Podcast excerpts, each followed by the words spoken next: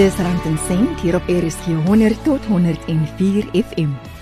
In vandag se program gesels ons oor die siektevoordele wat jy van die werkloosheidsversekeringsfonds kan eis. Goeiemiddag, ek is Olivia Sambo, baie welkom. Die program word met trots aangebied deur die werkloosheidsversekeringsfonds in samewerking met SAIK Opvoedkunde. Saam werk ons vir jou.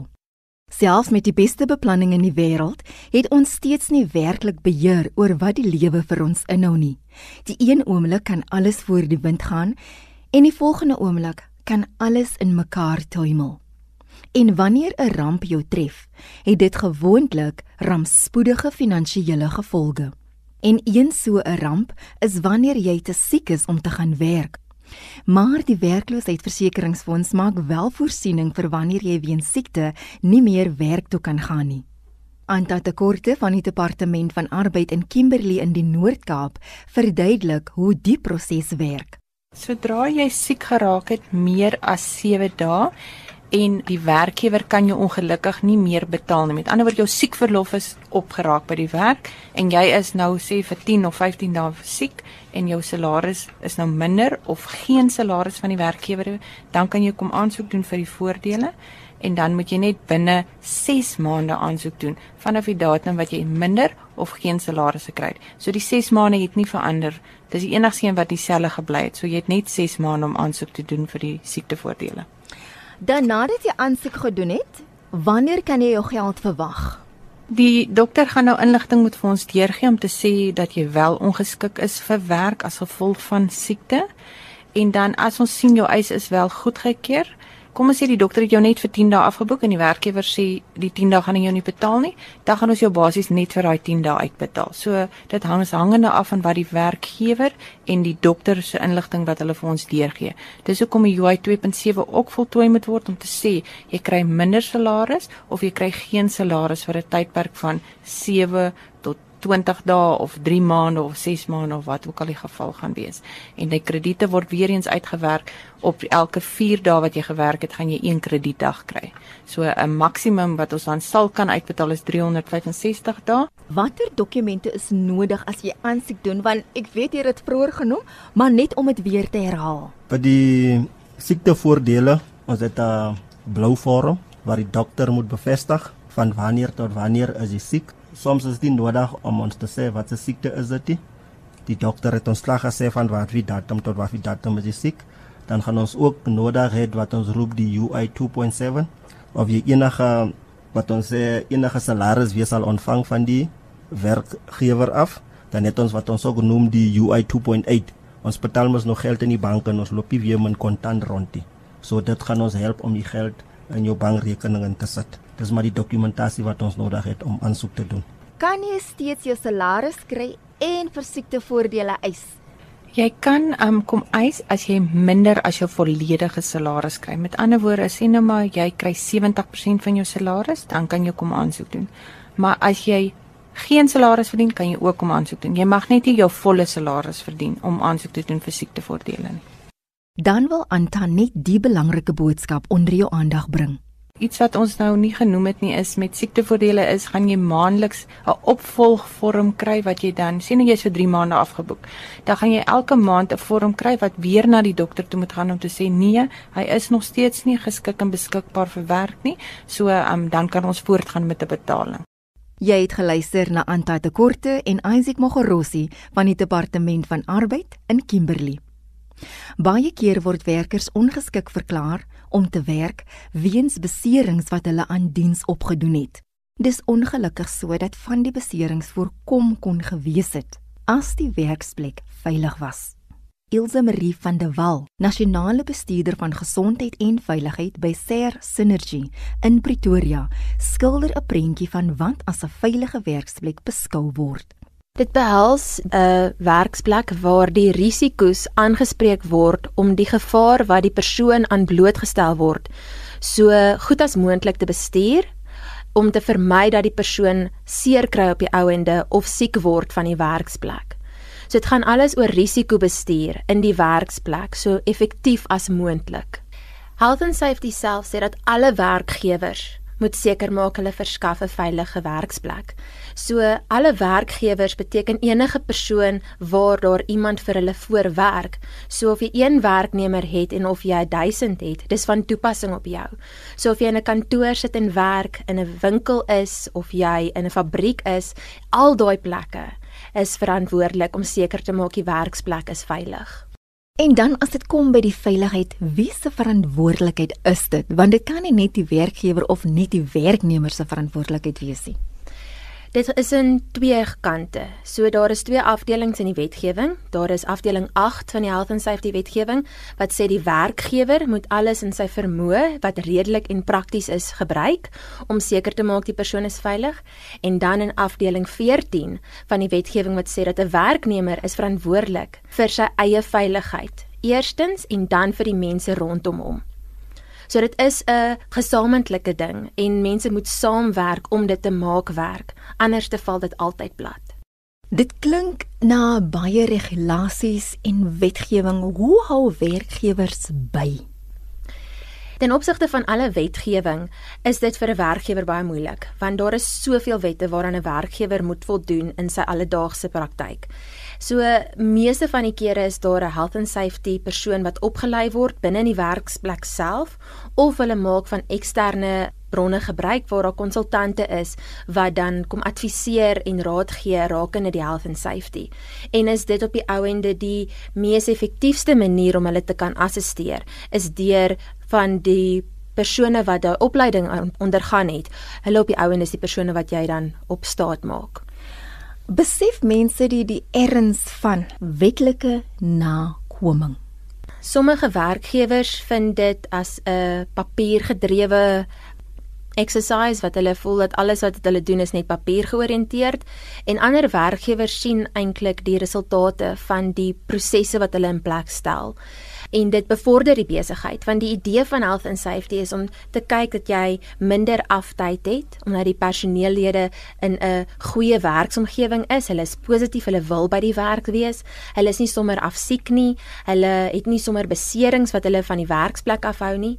Want as jy met iemand sit wat skielik vir 3 maande nie by die werk is nie as gevolg van 'n besering aan diens moet jy daai persoon se posisie vul vir daai tyd en daai persoon moet deur opleiding gaan. So Health and safety behoort in die langtermyn 'n kostebesparing en 'n morele bou te wees, maar vir party werkgewers die manier hoe dit toegepas word, help nie in daai opsig nie en word dit meer van 'n drag down en 'n slep. Nie net moet werkgewers 'n veilige omgewing skep nie, maar werkers moet aangemoedig word om voorvalle so spoedig moontlik aan te meld. 'n Groot insident is gebeur nie sommer net uit die lug uit nie. Daar's normaalweg iets wat al voorheen gewys het of kop uitgesteek het om te sê dat daar is 'n potensiële risiko dat iemand gaan gly en val want daar's elke nou en dan op daai spesifieke plek 'n lekkasie gewees van die generator het gelek of die ander masjinerie wat hulle onder gediens het, se olie het iewers te uitgeloop. En as mense dit nie onmiddellik aanspreek nie, dan gaan dit later 'n probleem veroorsaak. Jy kry verskillende tipe insidente, onder andere die neermis kollega van my hou eintlik daarvan om te praat van 'n neerhit want dit was amper 'n insident gewees. So oliekol waarby jy verbyloop kon 'n potensiële risiko gewees het waar jy kon geval het as jy in dit getrap het en gegly het. En op die ou ende van die dag as dit nie gerapporteer word nie, gaan dit nie vermy kan word in die toekoms nie. En die volgende keer gly iemand en as gevolg van die kondisie van hulle liggaam mag hulle selfs 'n been of 'n heup of 'n skouer breek in die proses.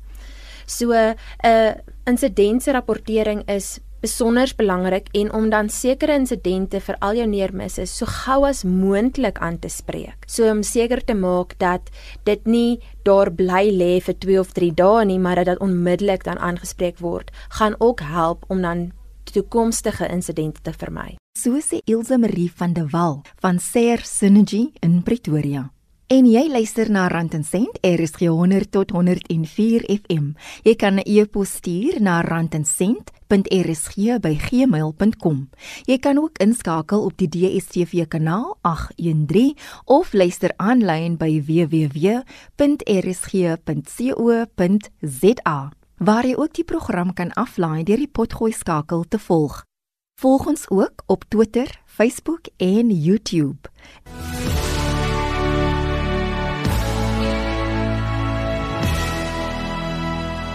Dis die 4de program in die reeks oor die werkloosheidsversekeringsfonds.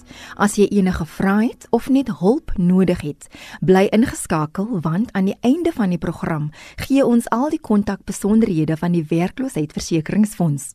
Jy kan die program aflaai by www.rsg.co.za. Jy kan ook aanlyn luister by www.rsg.co.za. Skakel ook in op die DStv kanaal 813 en volg ons ook op Twitter, Facebook en YouTube. Of laat hoor van jou en stuur 'n e-pos na randensent.rsg@gmail.com. Talle beserings wat aan diens opgedoen word, kon voorkom gewees het as dit betyds aangemeld was. Maar soms bly werkers stil uit vrees dat hulle geviktimiseer kan word. Die kultuur in 'n maatskappy, die werksomstandighede in die maatskappy, het 'n baie groot impak op die manier hoe mense health and safety aanspreek. As die werksplek 'n baie ek gee nie om nie ek dryf net produksie, die werknemers beteken nie iets nie, dan gaan jy 'n baie don't care, I don't care, nobody cares attitude hê in die werksplek. Omdat daai hele manier van mense se gemoedere teenoor mekaar is negatief. As dit anderste om is en die werkgewer en die werknemers is positief, hulle is saam in samewerking met mekaar om 'n beter lewe te genereer. Dis nie net oor produksiesyfers nie, maar dit gaan oor die mense dan neig jy om daai kultuur te kry om mense op te pas. En soms sal hulle nie kom rapporteer oor daar's 'n oliekol nie. Hulle sal kom rapporteer ek het die oliekol skoon gemaak. Om die rede moedig Ilse Marie van der Wal werkgewers aan om hulle werkers te ondersteun wanneer hulle wel voorvalle aanmeld. Die grootste poging wat ons op die oomblik aanwend by die kliënte is om hulle te motiveer om die werknemers op te voed ten opsigte van dit, hulle kundig te maak, hulle bewus te maak. Want bitter min van die werkers verstaan dat as jy byvoorbeeld 'n ongediagnoseerde diabetes is en jy kry 'n klein snytjie en dit word nie behandel nie, is daar 'n kans vir gangrene om te ontwikkel as gevolg van infeksie en dan later verloor jy jou hele hand of jou arm selfs. En daar was al sulke gevalle gewees in die verlede en tans waar mense dan ledemate verloor as gevolg van iets so klein soos 'n krapmerkie of 'n snymerkie. So om die werknemers op te voed en hulle te motiveer en hulle nie te viktimiseer nie. Dis 'n groot geval van werknemers wil nie iets rapporteer nie want hulle is bang hulle gaan in die moeilikheid kom. En dit is werkgewers se verantwoordelikheid in daai geval om die werknemers aan te moedig en hulle gerus te stel dat hulle nie in die moeilikheid gaan kom nie en dat die werkgewer omgee vir hulle wel um, welstand. En so gesels Ilse Marie van de Wal van Ser Synergy. 'n Besering in diens kan tot gevolg het dat jy nie meer die werk kan doen waarvoor jy opgelei is nie. En om die pot aan die kook te hou, moet jy van beroep verander. Maar waar begin jy? Madeleine Smit, besturende direkteur by HR Company Solutions in Johannesburg, gee wenke oor wat jy kan doen dan sou ek sê op jou CV moenie fokus op die werk wat jy gedoen het nie, maar fokus op die skills wat jy het. So jy gaan nie jouself verkoop omdat jy op 'n vorige plek gewerk het wat dieselfde industrie is nie. Jy gaan jouself verkoop omdat jy die skills en die jare ondervinding het vir wat daai pos benodig. So jou CV moet jy in so 'n manier jouself voorsit om te sê ek het die skill wat jy nodig het. Ek kan dit al vir soveel jaar doen. Ek het dit al vir soveel jaar gedoen. So jy verkoop wat jy kan doen en nie waar jy voorheen gewerk het nie. So dit is moontlik. Dis baie moontlik om te change van een karier na 'n ander karier toe. Maar dit kan ook verskriklik moeilik wees om weer terug te gaan werk toe. Dis iets wat ek verskriklik passievol is om vir werkgewers te sê, ons haal ons hoed af vir ons eie ma's of vir ons vrouens wat ons kinders grootmaak, ons het soveel respek vir hulle, maar hoekom wil ons nie daai mense terugbring in ons besighede in nie om te sien wat hulle vir ons kan doen? So dit is 'n verskriklike storie om terug te kom in die werksmark in. Maar nie net ma's nie, daar is ook mense wat wat siek was of wat kanker het en nou deur 2 of 3 jaar gegaan het om gesond te word en hulle is nou reg, maar nou wil almal weet maar Waar was jy vir die laaste 3 jaar? Is jy eintlik gesond? Hoeveel tyd gaan jy afvat by die werk? Wanneer moet jy gaan vir 'n check-up? So laat ons al hierdie vrae, maar voor hy die persoon dalk siek was, was hy in 'n topbestuurende posisie. Hy het al die ondervinding wat daai posisie vra vir. Hoekom kyk ons twee keer oor 'n CV soos dit? Hulle het net 'n voet in die deur nodig. Gee hulle net 'n kans, interview hulle net. Wat het jy om te verloor? Dit was Madeleine Smit van HR Company Solutions. Wanneer die broodwinner weens siekte nie meer in staat is om te werk nie, kan dit katastrofies wees. Rikus Nel, finansiële adviseur by Moneyweb, is van mening dat onderversekering grootliks daartoe bydra dat sekere terugslag jou finansiëel kan uitroei. Individue is geweldig onderverseker. Daar's 'n ek kan amper sê 'n gevoel daar buite dat as jy jouself verseker vir 'n paar miljoen dan is jou familie goed verseker en jy het relatiewe goeie gemoedsrus rondom dit. Wanneer 'n mens die projeksies gaan doen, met ander woorde, jy kan goed verseker voel, maar het jy die syfers gaan, het jy dit wetenskaplik gaan bereik? Ek sien maar net dat mense is oor die algemeen is moontlik tussen 25 en 50% van verseker van wat hulle behoort te wees. As jy dink tot 'n baie groot mate in meeste gesinne is beide gades deesdae kom ons sê broodwinners en die lewensstandaard wat daai huishouding geniet of dit is of waar hulle bly, waar hulle kinders skool gaan, wat 'n mediese hulle het, watter voertuie hulle ry, hoe hulle hulle spandering op 'n maandelikse wyse aanwend en geniet daai lewensstandaard word deur twee engines letterlik voortgebring. As daar iets met die een engine gebeur, is daar natuurlik nou 'n leemte. In sekere gevalle is daar goed wat gebeur wat al twee engines uitvee. So wanneer jy dink rondom versekerings, die primêre besluit rondom versekerings is kan jy hierdie risiko self verseker? Met ander woorde, het jy die bates as jy jou inkomste strome uitvee om nog steeds na jou verpligtinge om te sien. As jy dit nie het nie, het jy geen keuse as om dit vir 'n versekeraar te gee en die premies daarop te betaal tot tyd en wanneer jy in 'n posisie kom om dit te doen. Rikus noem die items wat hy glo prioriteit moet geniet wanneer jy versekerings uitneem. Goed soos medies, goed soos korttermynversekering, goed soos inkomstebeskerming, uh, lewensdekking is eintlik ononderhandelbare items. Dit is nie 'n geval van jy weet ons 'n kans vat en ons wil nie die versekeraars wil dit amper sê jy weet ryk betaal nie en hulle neem net ons geld as jy nou die voordeel nie. Ek kan eerlikwaar vir sê in individue wat nie verseker nie, het heel moontlik meer as een geleentheid of event in hulle kom ons sê finansiële bestaan wat vir hulle geweldige skade aanrig. Dit kan of medies wees of dit kan wees aan 'n korttermynkant of dit kan wees aan die langtermynversekeringskant soos ek gesê het of deur dood of deur siekte of net deur middel van mediese rekeninge wat die medies nie betaal nie.